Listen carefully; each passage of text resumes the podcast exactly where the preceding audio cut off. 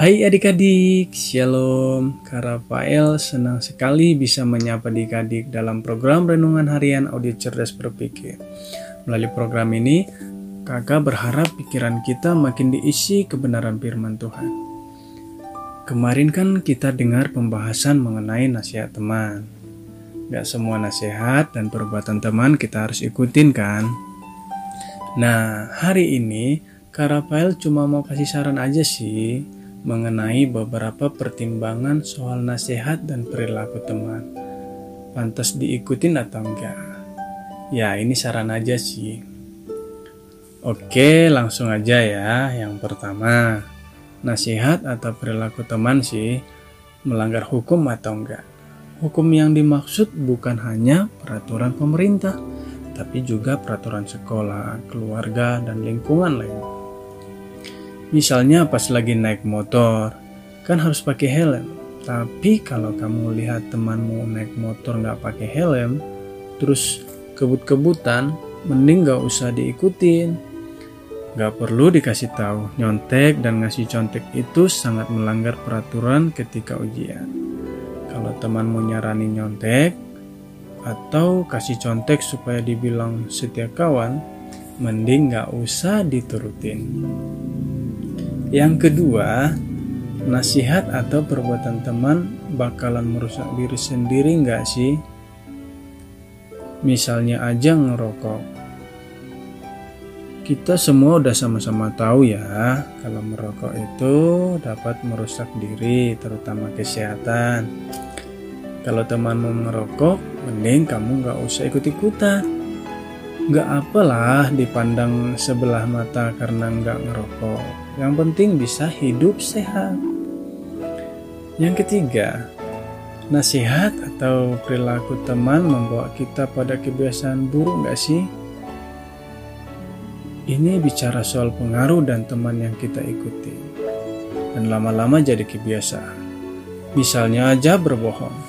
Nanti lama-lama kita jadi terbiasa berbohong sebagai upaya menghindar dari tanggung jawab. Contoh yang lain adalah suka marah-marah.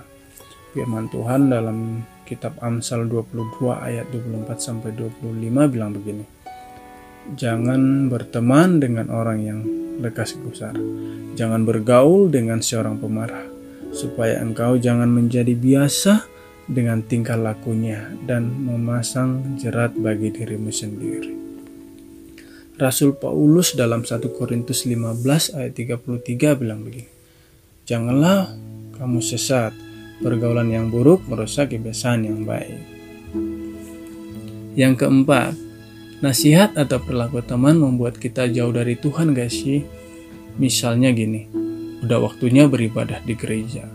Atau kalau di masa kayak gini, udah waktunya ibadah online. Eh, ada teman yang ngajak misal ada teman yang ngajak main misalnya mending dia nggak usah diikutin.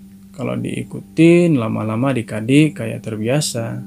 Dan ngerasa bahwa Tuhan bisa digantikan dengan aktivitas lain. Nah ini bahaya kan?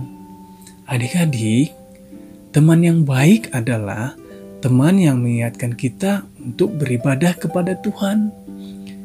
Dan kita juga harus jadi teman yang baik buat teman-teman kita apa pun agama dan keyakinannya Misalnya ada temanmu yang keyakinan lain dan sudah tiba waktunya dia untuk beribadah. Ya adik-adik harus ingatkan dan dukung dengan nggak ngajak dia melakukan hal lain. Gak apa-apa kan, kita harus menghargai perbedaan. Adik-adik, dengan Kak Rafael kasih beberapa saran tadi, bukan berarti Kak Rafael mau ngajarin adik-adik supaya jadi orang yang sangat pemilih dalam berteman Gini ya, kalau kita semua hanya mau berteman dengan orang-orang baik, siapa yang mau berteman dengan orang-orang yang kelakuannya nggak baik? Kita boleh aja berteman dengan mereka, cuma ya hati-hati aja. Jangan sampai kita merasa harus ikutin saran dan perbuatan mereka. Pokoknya, kalau kita berteman dengan siapa pun, peganglah prinsip yang dikatakan Tuhan Yesus dalam Matius 5 ayat 16 yang bunyinya Demikianlah hendaknya terangmu bercahaya di depan orang, supaya mereka melihat perbuatanmu yang baik dan memuliakan Bapamu di sorga. Yuk kita berdoa. Tuhan Yesus yang baik, kami bersyukur kami sudah mendengar, belajar firman Tuhan di hari ini. Kami bersyukur ya Tuhan, kami diajarkan supaya kami menjadi orang-orang yang tidak mudah terpengaruh, bukan ikut-ikutan, tidak terpengaruh dengan hal-hal yang tidak baik, tapi kami menjadi orang-orang, anak-anak terang yang bisa menolong teman kami. Kami tidak terpengaruh dengan keadaan lingkungan kami yang tidak baik. Bagaimanapun kondisi lingkungan kami, kami tetap menjadi anak-anak terang. Kami bersyukur ya Tuhan, berkati kami. Kami berdoa buat seluruh umatmu di mana pun berada yang sedang mengalami musibah virus corona yang menyerang seluruh umatmu. Biarlah Tuhan memberkati, biar kiranya ini cepat berlalu daripada kami, sehingga kami bebas melakukan aktivitas dan melayani Tuhan, dan kami bisa bersekolah, orang tua kami bisa bekerja, dan kami terus sama-sama mengalami sukacita yang Tuhan kasih bagi kami. Terima kasih Tuhan, kami bersyukur dalam nama Yesus kami berdoa. Amin. Oke adik-adik, tetap sehat, tetap semangat, dan tetap jadi berkat. Tuhan memberkati. Dah.